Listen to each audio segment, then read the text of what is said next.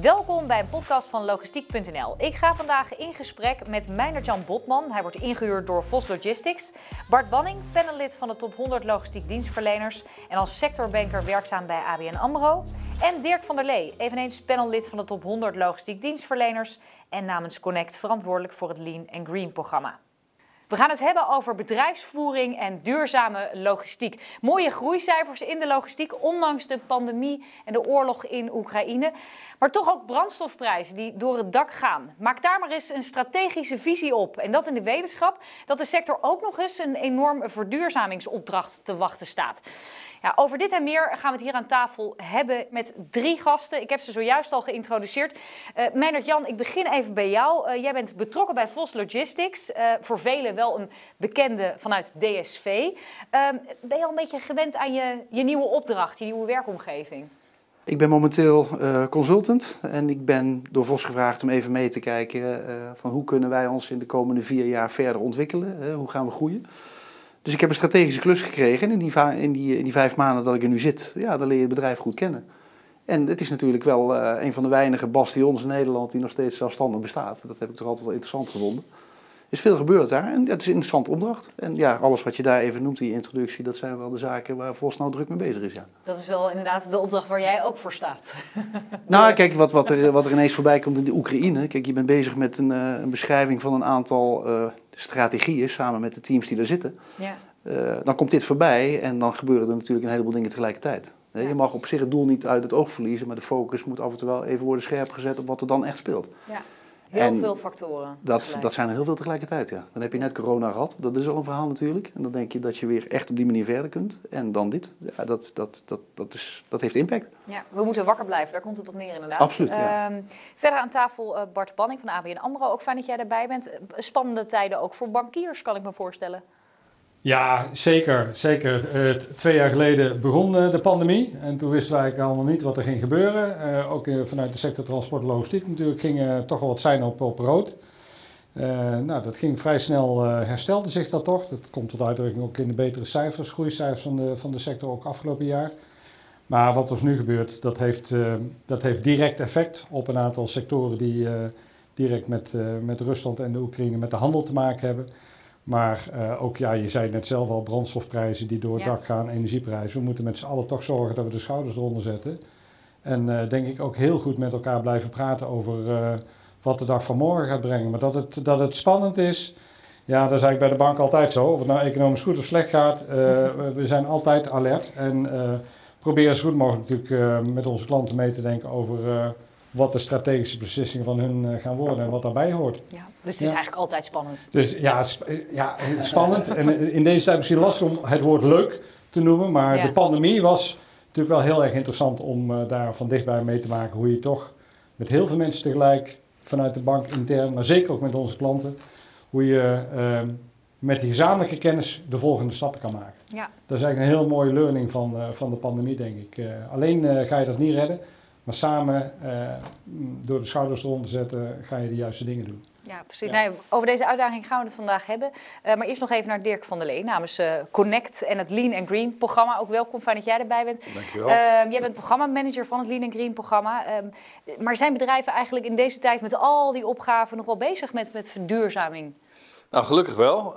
het was wel een zorg die wij hadden, zeker toen ook de pandemie uitbrak uh, twee jaar terug van waar staan wij dan als uh, verduurzamingsprogramma ten opzichte van logistieke bedrijven. Maar eigenlijk al vrij snel zagen we dat het uh, nog steeds werd opgepakt en in zekere mate misschien wel meer.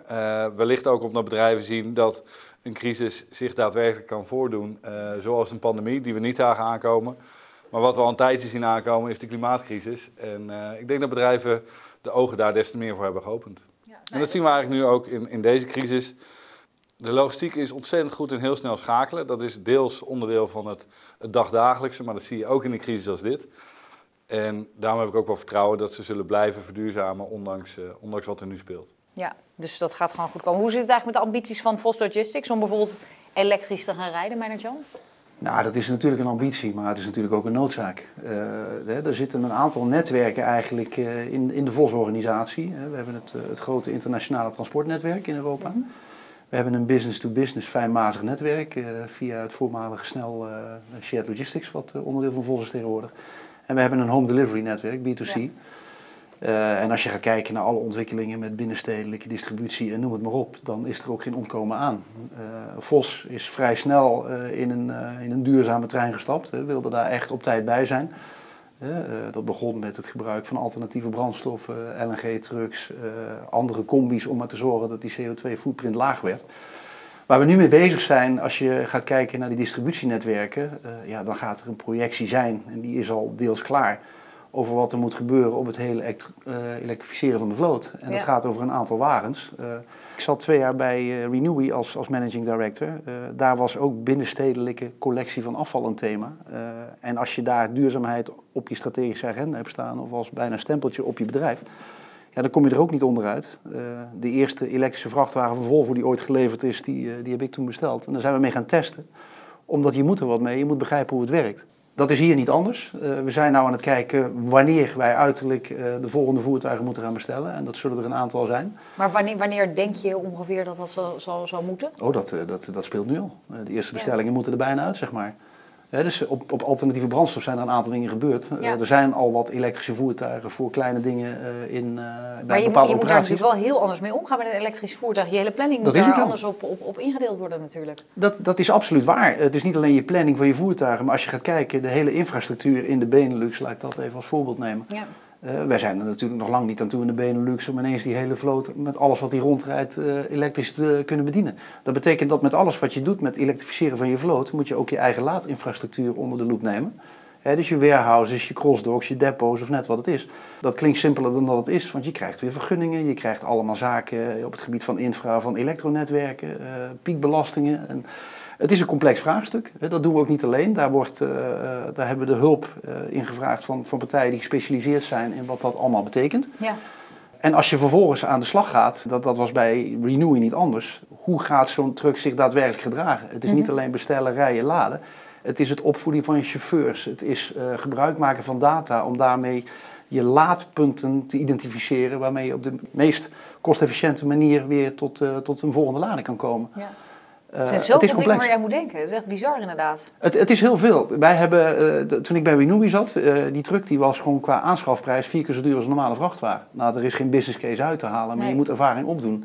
Ondertussen, zeker aan de hand van goede data-analyses, kun je wel een heel eind komen. Maar het vereist een compleet andere manier van denken. Maar als het, als het inderdaad helemaal geen business case is, hoe, hoe kan je mensen stimuleren om dan, of bedrijven stimuleren om, die dan, om te gaan met die duurzaamheid? Er, er lopen natuurlijk veel uh, subsidieprogramma's en er zijn veel grote organisaties die de samenwerking zoeken om samen dat leergeld te betalen. Want je hebt het eigenlijk over leergeld. Hè. Je moet, je moet ja. vanuit zo'n eerste uh, één of twee uh, wagens moet je gaan ervaren hoe is dat. Zodat je weet wat er gebeurt op het moment dat je dat gaat opschalen. En dat zie je bij Vos Logistics, maar we hebben binnen het deelnemersveld van het Lean Green programma vele deelnemers die op die manier... soms ook verladers en vervoerders samen daar duidelijke investeringen in doen. En op die manier dat leergeld ja, eigenlijk leren hoe het straks moet. Want het is een transitie. Het is niet van de een op andere dag. We hebben niet morgen, we hebben niet eens de vrachtwagens om morgen allemaal elektrisch te rijden. Dus we zullen daar nog een hele tijd mee bezig zijn met die transitie. Je hebt wel kans dat wat er nu gebeurt, de transitie net wat verder versnelt. Omdat de total cost of ownership van een batterij-elektrische vrachtwagen net wat sneller rendabel is dan. Uh, uh, met de benzineprijs van een half jaar geleden, of de dieselprijs van een half jaar geleden. Dat je nu een setje krijgt, ja, ja. daardoor. Nou, je zei, één woordje wat je net noemde was heel belangrijk, en dat is samen.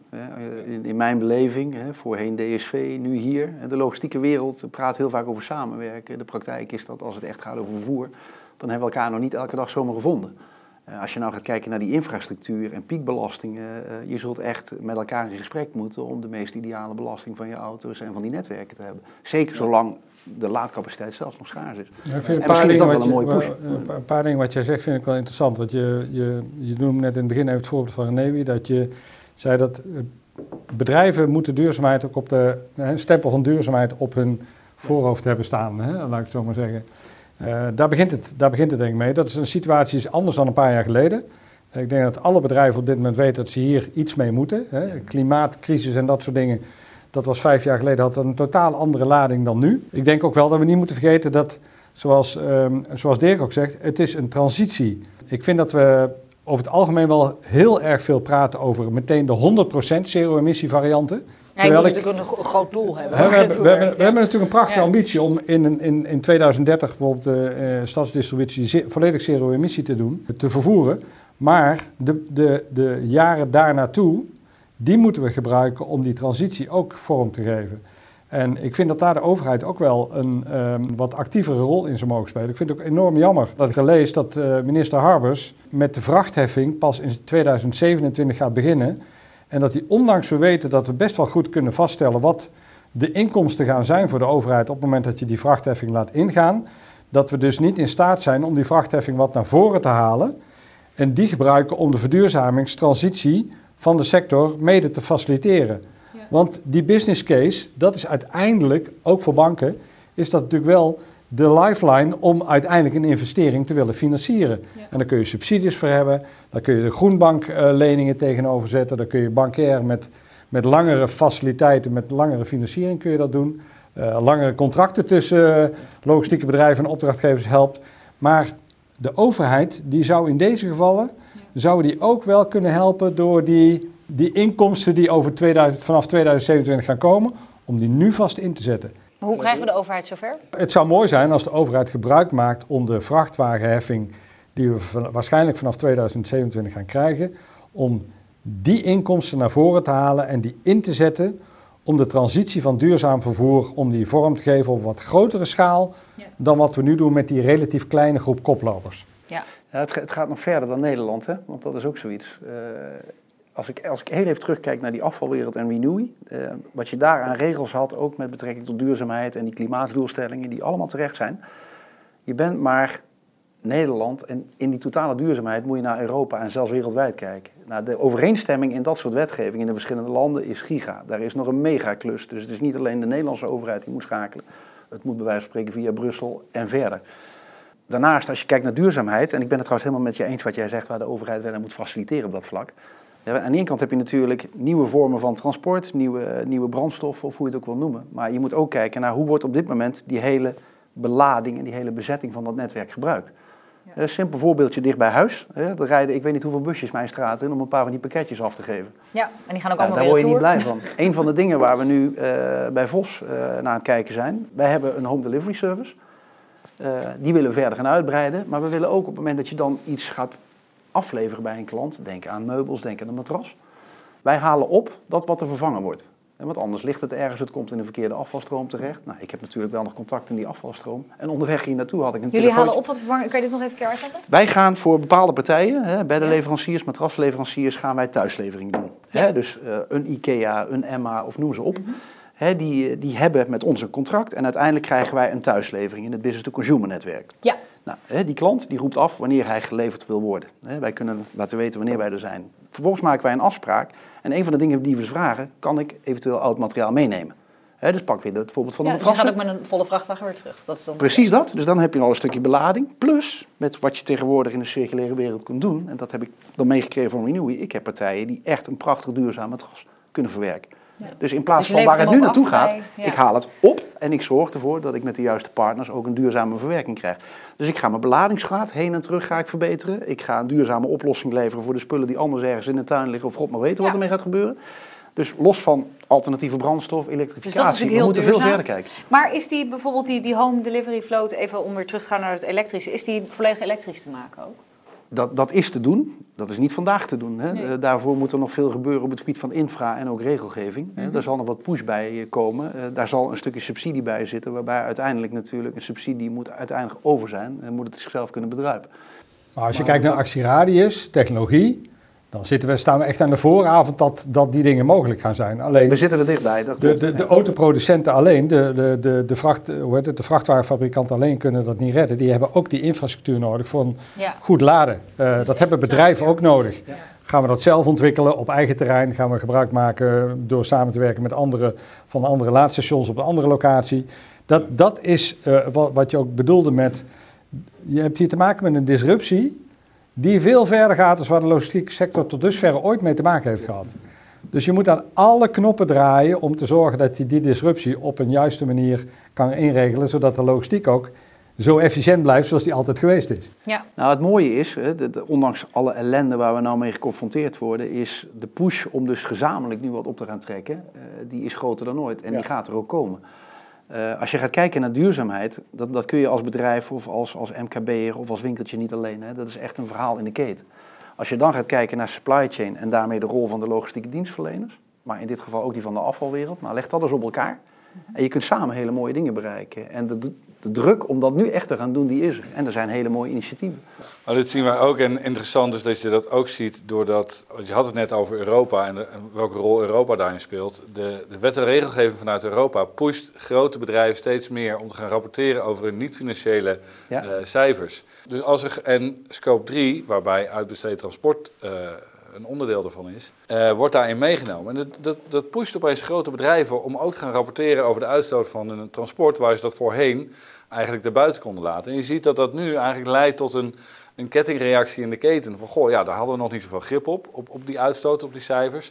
Daar willen we meer grip op, want dat gaat straks wellicht ook een kostencomponent worden. Dus ook van die kant is er een push om uiteindelijk te gaan samenwerken. Want nu is er nog meer aanleiding om inderdaad te zeggen: laten we samen gaan kijken hoe we die, dat stukje keten waar wij samen verantwoordelijk voor zijn, kunnen gaan verduurzamen. Ik, ik, ik ben het met je eens, Dirk. Maar ik vind dus ook als je die regelgeving nodig hebt om het net wat strakker aan te zetten bij iedereen, dan vind ik dus ook dat je partijen eh, moet faciliteren om die regelgeving tegemoet te komen. Als jij je CO2-uitstootrapportage ook als middelgroot bedrijf moet gaan rapporteren, dan betekent dat dus dat jij ook de faciliteiten moet hebben om te zorgen dat je in je materieel ook die aanpassingen gaat maken. Dat kun je niet zelf. Dat moet Wat zou je dan samen nodig hebben? nou, je hebt, je hebt daar financieringsruimte voor nodig, subsidie waar we het net over gehad hebben. Je hebt daar eh, de ruimte ook nodig vanuit de verladende kant om te kijken hoe zij hun keten kunnen verduurz- verduurzamen. Hè? Ja. Logistiek en transport is een onderdeel van de keten van Ja. opdrachtgevers. Ja. Dus eh, er, er komen, wat ik net zei, over de meer dan gemiddeld langere contracten, ook betere contracten. Eh, contracten waarbij je prijsafspraken ook kunt flexibiliseren als de markt op een bepaalde manier even een beweging laat zien. Zitten we nu middenin. Hè? De, de brandstofclausule hebben we allemaal als verworven recht. Maar in dit soort tijden is het er maar eens af te vragen of, of je hem ook goed kunt gebruiken. En of je dat eh, niet als transportbedrijf zelf even allemaal die extra kosten op je afkrijgt. Dus het is echt veel meer een kwestie van samen aan de slag gaan. De overheid moet daar een, ook een rol in nemen dat die gaat faciliteren. Naast het feit dat ze de regels eh, wat strakker aan gaat trekken. En wat, wat kan, kan, je- kan het Lean Green programma hierin bijvoorbeeld doen? Nou, in de basis zijn wij een, een erkenningsprogramma en ondersteunen we bedrijven in eh, een- hoe ze hun uitstoot inzichtelijk kunnen maken en, en daarin kunnen reduceren. Eh, maar we zijn ook een community, dus wij proberen die bedrijven bij elkaar te brengen, van elkaar te Ja. laten leren. eh, en geven graag een podium aan, aan bedrijven die eh, stappen hebben gemaakt en dat kunnen leren. En dat, eh, dat is voor ons een manier om te zorgen dat er een stukje versnelling plaatsvindt en, eh, en, en dat dat gedeeld wordt. Dat doen we in Nederland en in Europa.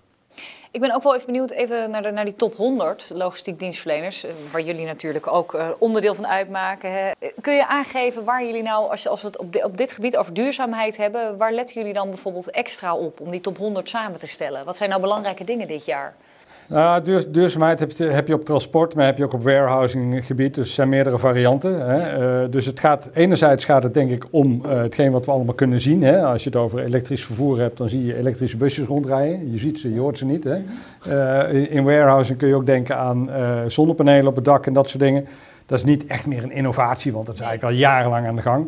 Maar ik denk dat het ook heel belangrijk is om te praten, en ik hoop dat, dat bedrijven ook dat laten zien, waar hun ambitie nou precies ligt. Want ik ken eh, het, dus niet, niet omdat jij nu aan tafel zit namens Vos, maar ik ken Vos wel als een bedrijf wat al heel lang ook in hun jaarverslaggeving, als een van de eerste in Nederland, gewoon klopt. laat zien wat zij willen. En laat zien welke stappen ze maken op dat soort gebieden. Dus die strategie is belangrijk. Strategie is heel Belangrijker dan belangrijk. de zonnepanelen en de, en de letterlijke onderdelen. Dat is uiteindelijk de uitvoering van de ja. strategie. Hè? Maar wij, wij vinden het wel belangrijk, wij als bank vinden het ook belangrijk. Als je kijkt welke bedrijven willen wij graag financieren, dan zijn er bedrijven die in de strategie ook de ambitie laten zien waar zij naartoe willen met die CO2-reductie. Waar zij naartoe willen, heel iets Ja. anders, met bijvoorbeeld mensen met een, arbeids, met een achterstand tot de arbeidsmarkt. Of, of die een plek krijgen binnen zo'n bedrijf. Hoe zo'n bedrijf uit, eh, omgaat met arbeidsmigranten en de arbeidsomstandigheden die je op dat soort, hè, die mensen die we hard nodig hebben, Ja. eh, of, je dat, of je dat op de juiste manier doet. Nou, dat, dat vinden we het belangrijker dan, uh, dan zeg maar uh, duizend zonnepanelen op een dak, waar er ook 1200 kunnen zijn. Uh. Ja, maar het is, wat jij zegt klopt. in het geval van Vos zijn ze daar al een tijd mee bezig. Daar waren ze een van de eerste. dat zijn ze een tijd geweest. Ze willen nog steeds voorin meelopen. ze hoeven niet meer de enige te zijn die het verzint. dat zeggen ze erbij en dat is terecht. Het wordt tijd dat je dat met z'n allen doet. los van, je spreekt heel snel over vervoer. Als je gaat kijken naar warehousing, of eigenlijk meer de keten, de leverketen met pallets en dozen en weet ik veel wat. Er zit ongelooflijk veel incontinuïteit nog steeds in aanvoerstromen, in bestellingen. Uh, dat gaat niet goed. Met als gevolg dat je voorraden in je warehouse ziet staan, die bewegen niet. Mhm. met een beetje mazzel in de verkeerde business staat het daar te verschotten, kun je het weggooien. God mag weten waar het uitkomt. Dus dan heb je afvalstromen en uh, verliesstromen waar je niks mee kunt. Los daarvan, als je een keer iets niet hebt, dan krijg je spoedjes, gaat er weer een klein busje rijden. Nou, dat is allemaal niet zo duurzaam als één keer een grote zending met alles erop en eraan. En ik heb voorbeelden gezien in het verleden waarbij je een paar van die luchtvrachten hebt die vervolgens twee maanden op de dok staan te wachten tot ze geleverd kunnen worden. waarom heb ik in godsnaam een luchtvracht nodig?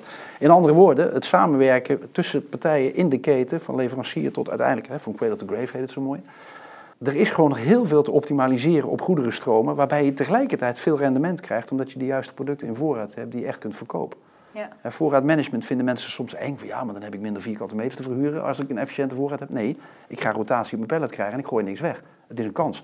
En daar is ook nog heel veel te winnen. Maar, maar hoe zorg je daar uiteindelijk voor? Want we hebben het natuurlijk nu over die strategieën, over die duurzaamheid, best wel wat uitdagingen. Ik hoor vooral ook dingen die inderdaad misschien niet meteen winst opleveren. Hoe, hoe kan je uiteindelijk ervoor zorgen dat je een strategie maakt die ook daadwerkelijk uiteindelijk een winstgevende operatie wordt in dit vraagstuk?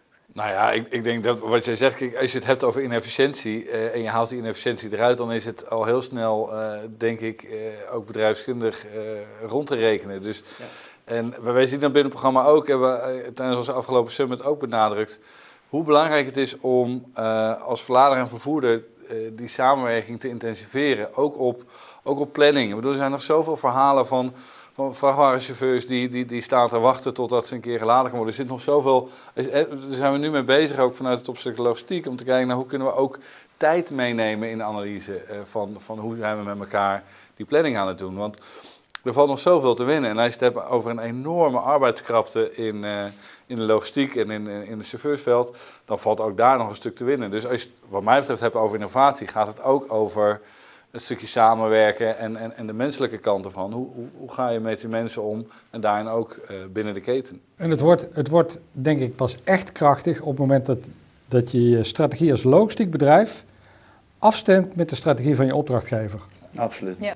Uh, want, want, anders ga je, uh, als je dat niet doet, dan ga je suboptimaliseren binnen je eigen speelveld.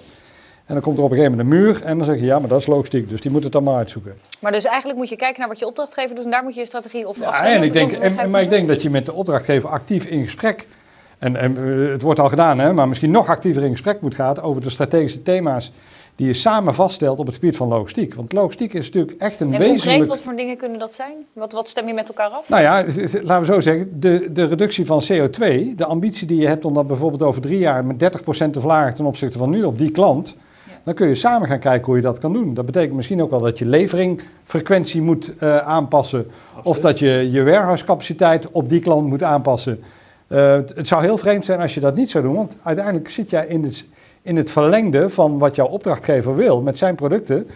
Dat moet jij logistiek gaan uitvoeren. Dus het, er zit heel veel potentie. Ik ben het helemaal eens met, met, met wat jij zegt.